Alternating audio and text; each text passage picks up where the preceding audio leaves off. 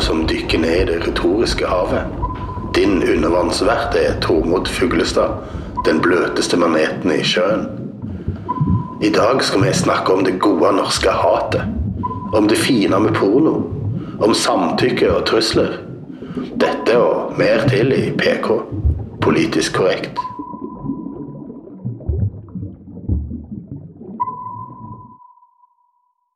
Regjeringen har lagt fram en handlingsplan mot voldtekt. Det er mye fint med den, men det som mangler, er en definisjon av voldtekt som ikke inkluderer vold eller trusler. Det som mangler, det er helt enkelt en definisjon av uønska sex som voldtekt. En samtykkelov. Men det er visst veldig vanskelig å foreslå det. Det er visst òg veldig vanskelig å definere uønska sex som voldtekt. Mange menn, kanskje også kvinner, lider av den forståelsen av at man ikke kan snakke om sex uten at det ødelegger. Man kan ikke spørre om den andre har lyst til å pule, eller ligge, da. Det skal liksom bare skje av seg sjøl, sånn helt naturlig. Og det gjør du jo. Som regel så skjønner du at den andre har lyst, og så skjer det helt naturlig, både hjemme og på fest. Men altså, voldtekt og sex Begge deler kan virke helt like for den ene parten. Naturlig og flott og helt sånn bare kle av og kjør på. Nå skal ikke vi gjøre et stort poeng ut av politikere sjøl har vist at de ikke vet hvor grensen bør gå, i og med at de aller fleste av de har visst om seksuelle overgrep i egne organisasjoner, hvorav mye ville blitt omdefinert som voldtekt om samtykke var nødvendig for å ligge med noen. For dere normale folk som har lyst til å være sikre på at dere ikke voldtar noen, så har vi lagd denne bruksanvisningen. Vil du ligge med meg? PK sin guide til sex og samtykke. Kategori 1. Den enkleste måten å få et ganske sikkert samtykke er å si Vil du ligge med meg? Vil du pule? Skal jeg putte denne inn der? Eller Vil du ha denne inn der? Hvis den andre parten svarer ja og ser komfortabel ut, så er det sannsynligvis greit å putte den inn der. Men dette kan jo bli litt rart og eksplisitt for noen, og flaut, liksom. Så for de som ikke vil være så direkte, så kan du gå til kategori to. Har du det fint? Er alt bra? Liker du at jeg gjør dette? Hva har du lyst til? Enkle og gode spørsmål. Husk bare å høre etter hva partneren svarer. Og hvis partneren sier at alt er bra og smiler, så kan du gå videre til Skal jeg putte denne inn der? Hvis det skulle være situasjoner underveis der du virkelig lurer på om alt er i orden, om dere kanskje har misforstått hverandre, eller om noen egentlig ikke vil det dere gjør, så kan du gå videre til kategori tre. Um, har vi gått litt langt nå? Har du lyst til å stanse, egentlig? Ble det veldig rart, dette? Um, skal vi stoppe og snakke litt? Eller Vil du helst at jeg går? her er det òg viktig å lytte til hva den andre sier. Du må handle i samsvar med svaret du får. Du må sette deg i beredskap til alt fra å fortsette med et smil, stanse og snakke, eller gå hjem, hvis det er det den andre helst vil. Disse enkle små stegene er en god pekepinn hvis du lurer på om den du har lyst til å ligge med, har lyst til å ligge med deg. Så mens vi venter på at sex uten samtykke skal bli ulovlig i Norge, så kan vi jo øve oss litt på samtykke i mellomtiden.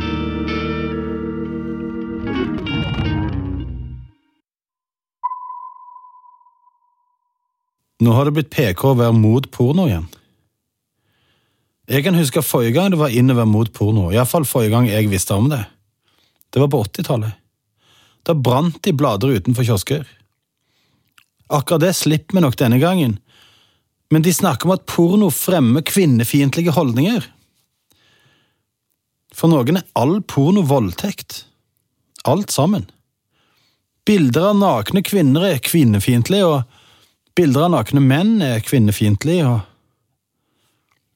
Vi skal snakke om fire ting. For det ene Vi er alle enige om at sex er en bra ting. Sex har aldri skada noen. Tvert imot. Sex gjør oss til bedre mennesker. Vi kommer tettere på egne følelser og andres. Kommuniserer bedre. Ler mer. Gråter mer. Er det da helt umulig å tenke seg en verden der vi kan ha godt av å se filmer av nakne mennesker, og le og gråte og runke sammen? Altså, det gjorde vi på 80-tallet, faktisk, og det var superfint. skrottet softporn som vi leide på Connys video eller Regnbuen. Vi grein ikke så mye, men vi satt der og smilte med pledd over kuk eller kuse, og så på film og hverandre og tok på oss sjøl og hverandre. Hva er det som er galt med det i seg sjøl? Må det være sånn at alt må være enten skammelig eller flott? Går det an å gjøre det at sex er en bra ting til en offentlig sannhet, på den måten at vi behandler den som all annen bra menneskelig aktivitet? Det er jo bare sex som er skammelig av gode menneskelige aktiviteter, kun det. Til og med slåssing er jo nyansert, sånn at vi liker ikke gateslåssing, men vi kan se boksekamper. Drap er nyansert, sånn at vi støtter ikke hjemmedrap eller gjengdrap, men vi kan se på selvforsvar eller rettferdige kriger på film. Men sex, det er galt uansett. Om du så tar amatørporno lagd av et ektepar som ligger med hverandre, filmer det og legger det ut på YouPorn, så er det liksom bare porno. Og jeg som er glad i sex, jeg vil gjerne kunne se det på film. Gode filmer. Akkurat som alt annet jeg er glad i å se film om som jeg føler angår meg. Men hvis alt blir fordømt, så blir det jo vanskelig å finne de gode filmene. For det andre, du er klar over at porno òg har spilt en viktig rolle i seksuell frigjøring, kjønnsrollefrigjøring, homokampen, kvinnekampen, kampen for at folk med fetisjer nå kan ha egne klubber i byen der de lever det ut uten å skamme seg. At da Playboy begynte, så var de et fyrtårn i homokampen, og at nylig avdøde Howard slåss i første rekke for å forandre lovverket som forbød homofili i USA. Det hadde ikke vært en seksuell frigjøring uten porno, iallfall ikke i den form vi har hatt den i Vesten i de siste 60 åra.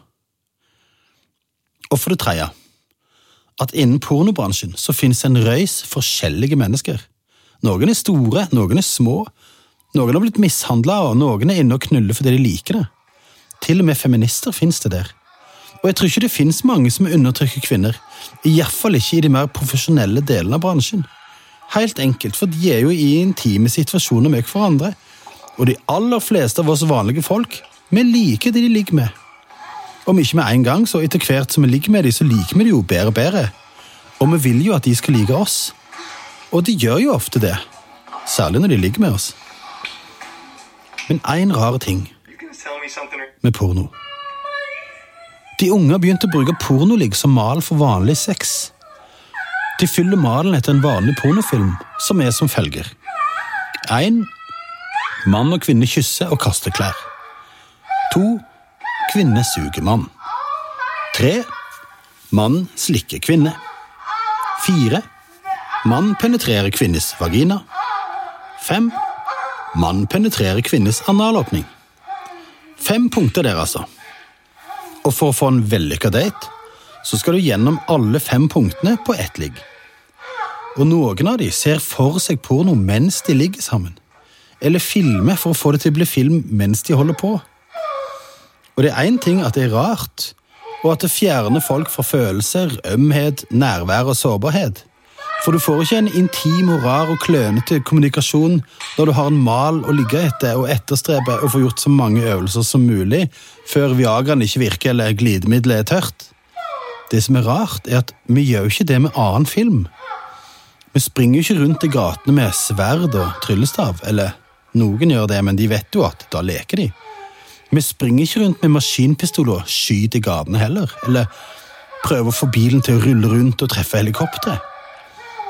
Vi hopper ikke ut fra bygninger etter å ha sett The Matrix og bare lose all doubt. Vi vet at det er film. Det er fiksjon. Men pornofilm, det tror vi liksom er ekte. Selv om den òg må være film av et team som ser på, og de fem minuttene den filmen varer, sannsynligvis har tatt en dag eller flere å filme. Det har vært hjelpemidlere, fløffere som holder penis opp og kuser vått. Det har vært lysmenn og kameramenn og sminke og kostyme kanskje ikke kostyme. De som spiller, er helt vanlige folk, sånne som deg og meg, som bare er bra på å holde sexen i gang. En jobb du kunne hatt sjøl, kanskje, hvis du er glad i sex og vil vise det for hele verden. Men det er fiksjon. Det må du jo skjønne. Du skjønner det, ikke? Det er rart med porno.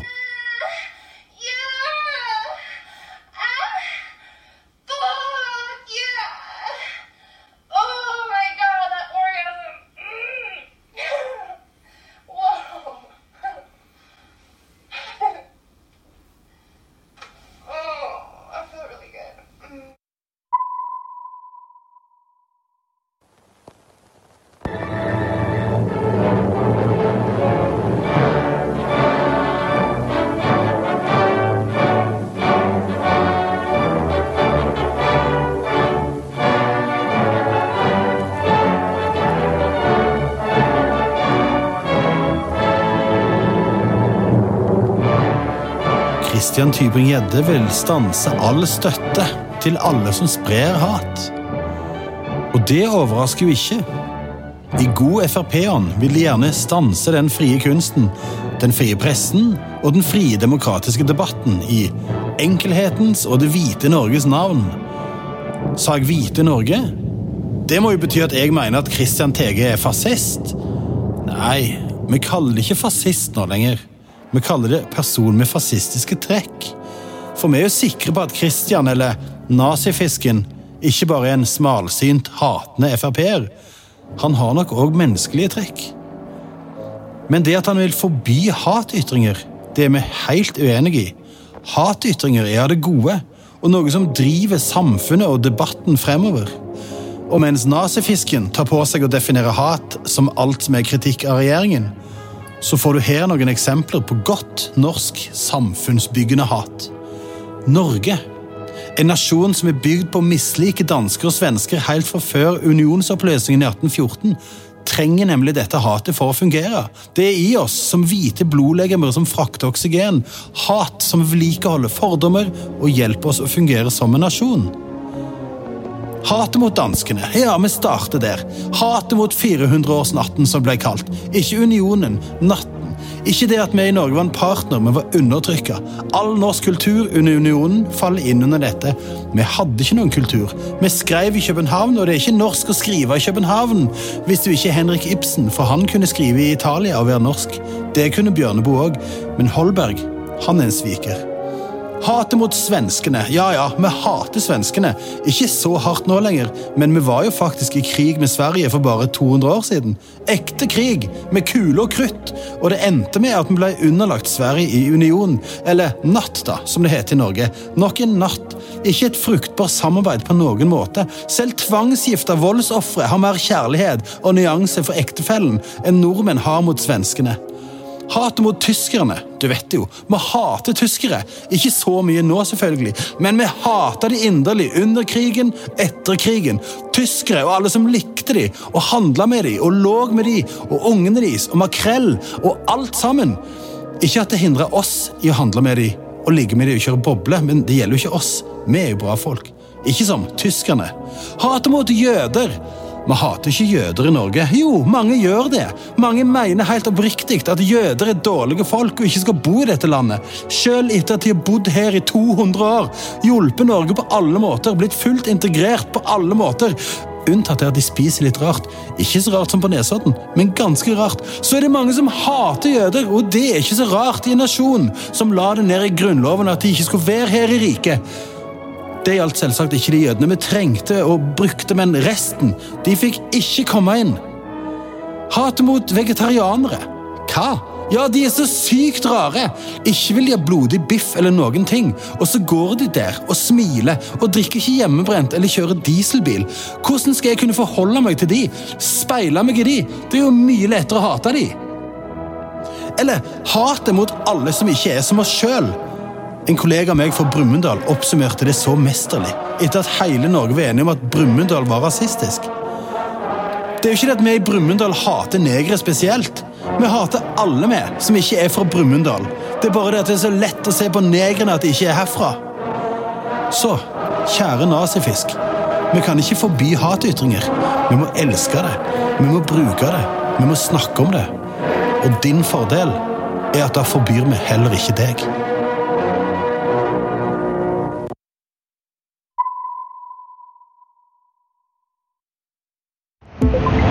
Regeringen præsenteres af Rimi. Enklere er billigere.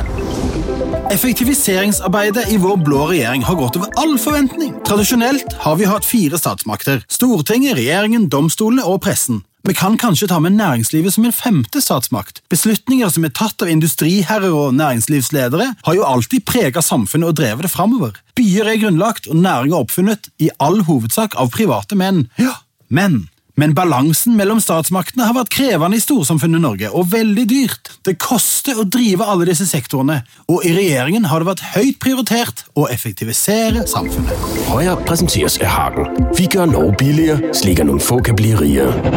I bygd og by går gjerne næringsliv, politikk og presse hånd i hånd for gode løsninger og godt samarbeid. Alt fra kollektivløsninger, utbygging av boligfelt og anbudskonkurranser har vært løst i badstua, på fest hos ordføreren eller på nachspiel utenfor Rockefeller. Menn med makt har snakka sammen, penger og politikk har gått hånd i hånd, og pressen, som jo har vært styrt av enten penger, politikk eller begge to, har beskrevet prosessene som rettferdige og gode fellesskapsløsninger. FNP præsenteres af Olaf Thor. Ikke fordi at alle gamle mænd er racister, bare fordi han er som folk flest. Og optaget af sig selv. Men på nasjonsnivå har dette vært en krevende metode. Det fins altfor mange som ikke går i takt. Det fins både aviser, partier og næringsinteresser som krever innsyn og ekte demokratiske debatter når fellesskapet skal administreres. Bare en så enkel ting som å stykke opp NSB for å legge alt ut på anbud tar tiår å få gjennom, når hvem som helst kan bry seg på et hvilket som helst nivå i prosessen. Til og med i direktoratene og administrasjonen finnes det utro tjenere, fagfolk, som heller vil gå ut i mediene med forurensing, korrupsjon eller politisk overkjøring av faglig råd, enn å vite sin plass og hvem som bestemmer. Det er én sak at oppdrettslaks er farlig å spise, men en helt annen at vi tjener helt vilt mye penger på den. Hvem som tjener penger? Ikke de som forsker på objektivt grunnlag, iallfall. Venstre støttes seg Høyres vælgere. Vi stemmer, mens vi holder oss for nesen, slik at vi får Venstre over sperregrensen, slik at Høyre beholder magten. Helt fra den blå regjeringen tiltrådte, har de jobba med å effektivisere samfunnet, og det norske samfunnet, som i stor grad har vært basert på en maktfordeling mellom de fire statsmaktene, samt næringslivet og fagforeningene, har lenge vært et samarbeidssamfunn, og skritt for skritt går vi nærmere samarbeid mellom alle statsmaktene.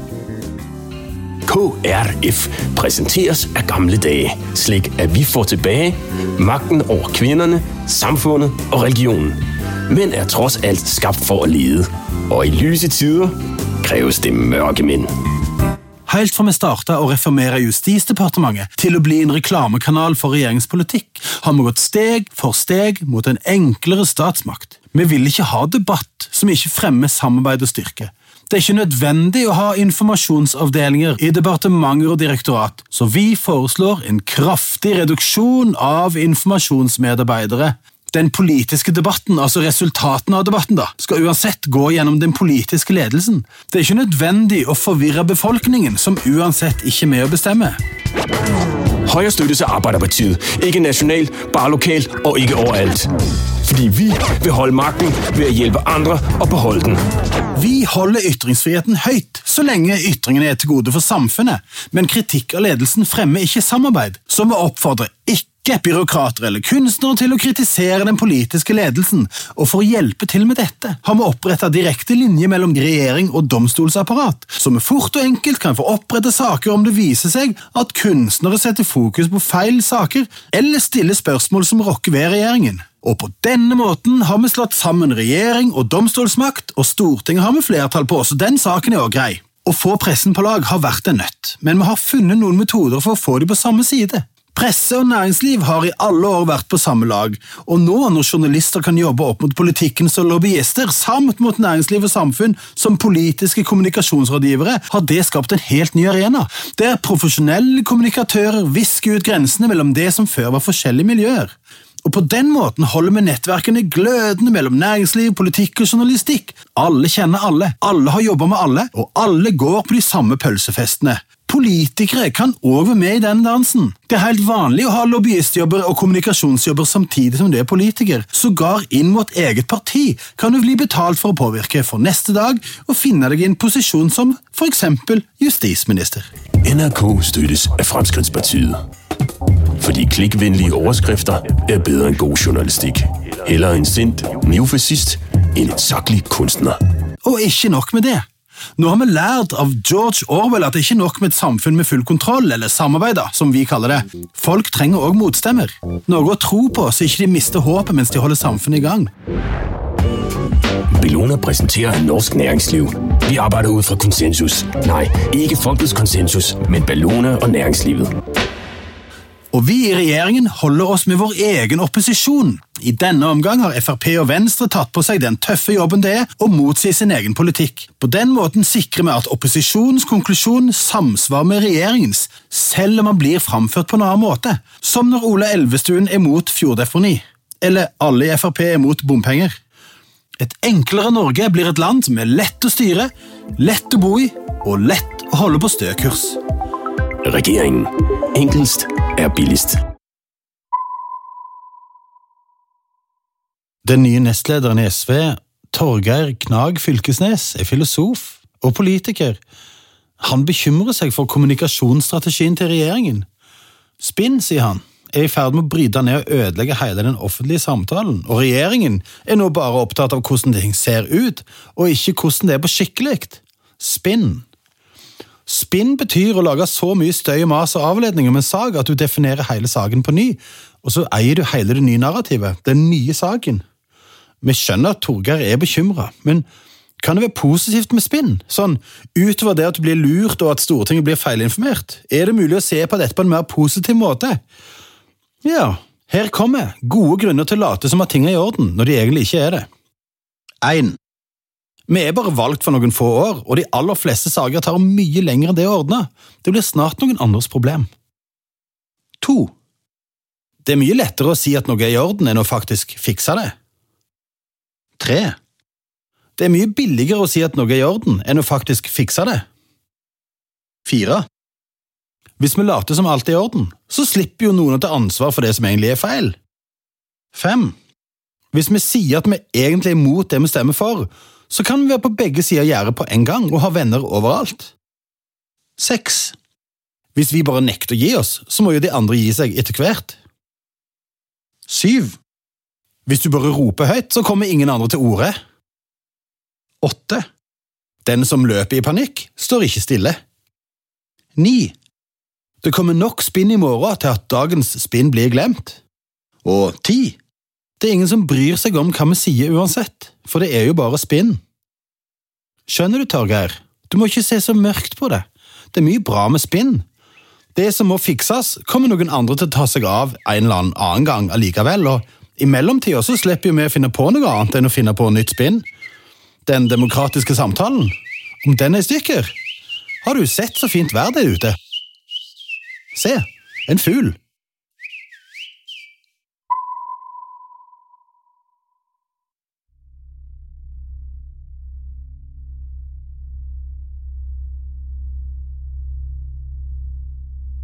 Jeg har tre døtre, som ikke er så langt fra hverandre i alder, og en gang i livet så bestemte de seg alle sammen for å bli vegetarianere.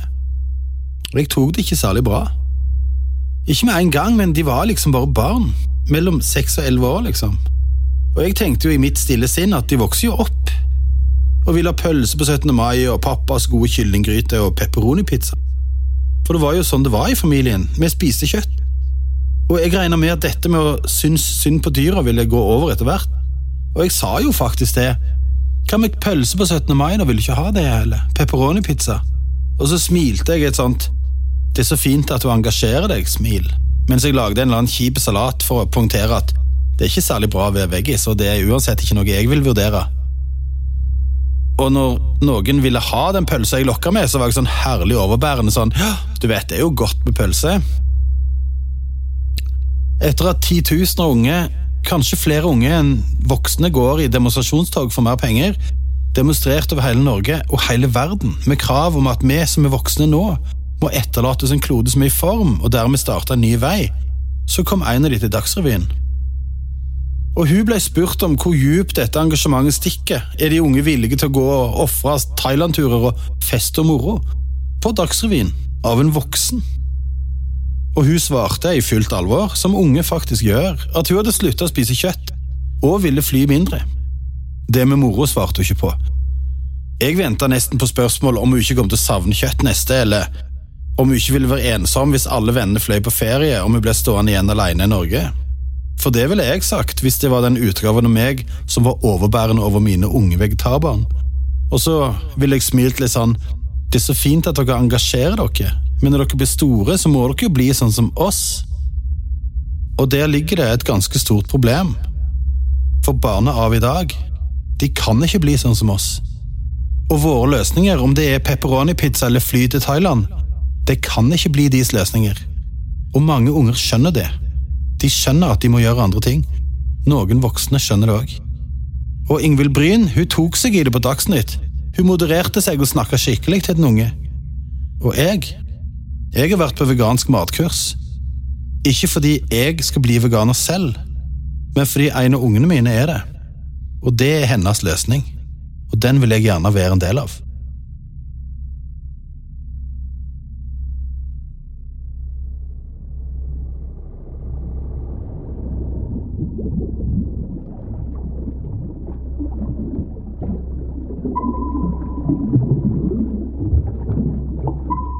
Og med dette PK seg, og maneten driver videre.